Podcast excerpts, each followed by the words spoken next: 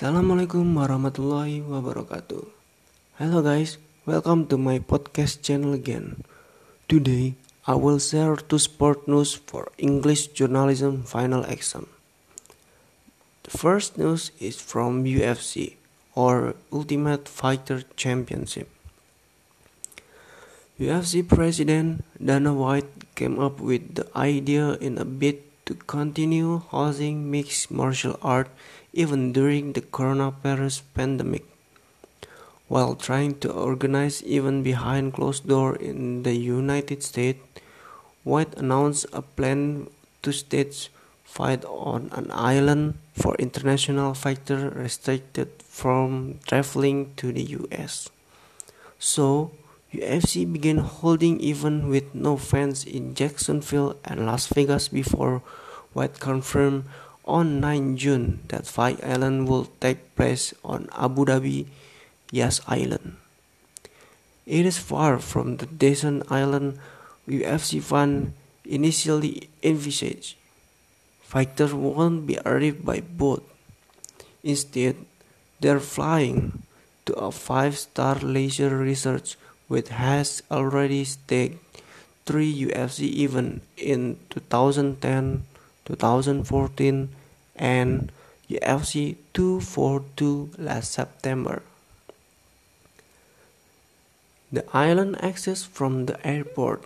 It is a 5-mile drive to Yas Island and a safe zone which visitors cannot leave, with checkpoint to prevent the public from getting in. The zone includes the golf course, beach, hotels, and restaurant, plus three medical facilities with 17 personnel. Over 2,500 UFC personnel and Yas Island employees will stay within the zone, with all local staff have been in quarantine for 15 days had three negative tests. So, Next, going to second news is from Formula E. From an idea scribbled on the back of a napkin in a restaurant in Paris in 2011, Formula E has developed in one of the fastest growing sport. Initially a 10 team 11 race competition in its first season. It has expanded to incorporate new territories and new manufacturers in the following six years. And with the kudos of this reduced environmental impact in comparison to F1, Ellie Goulding believes the electric racer series has plenty of room to grow. She say Formula E is the future. It's the same thing, but everything is battery powered.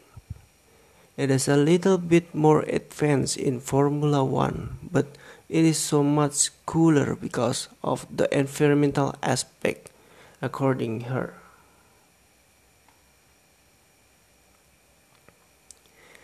Ellie Goulding attends the ABB FIA Formula E Mad Hatter's Moroccan Tea Party in celebration of the 2020 Marrakesh E-Prix at the Hotel Amanjena.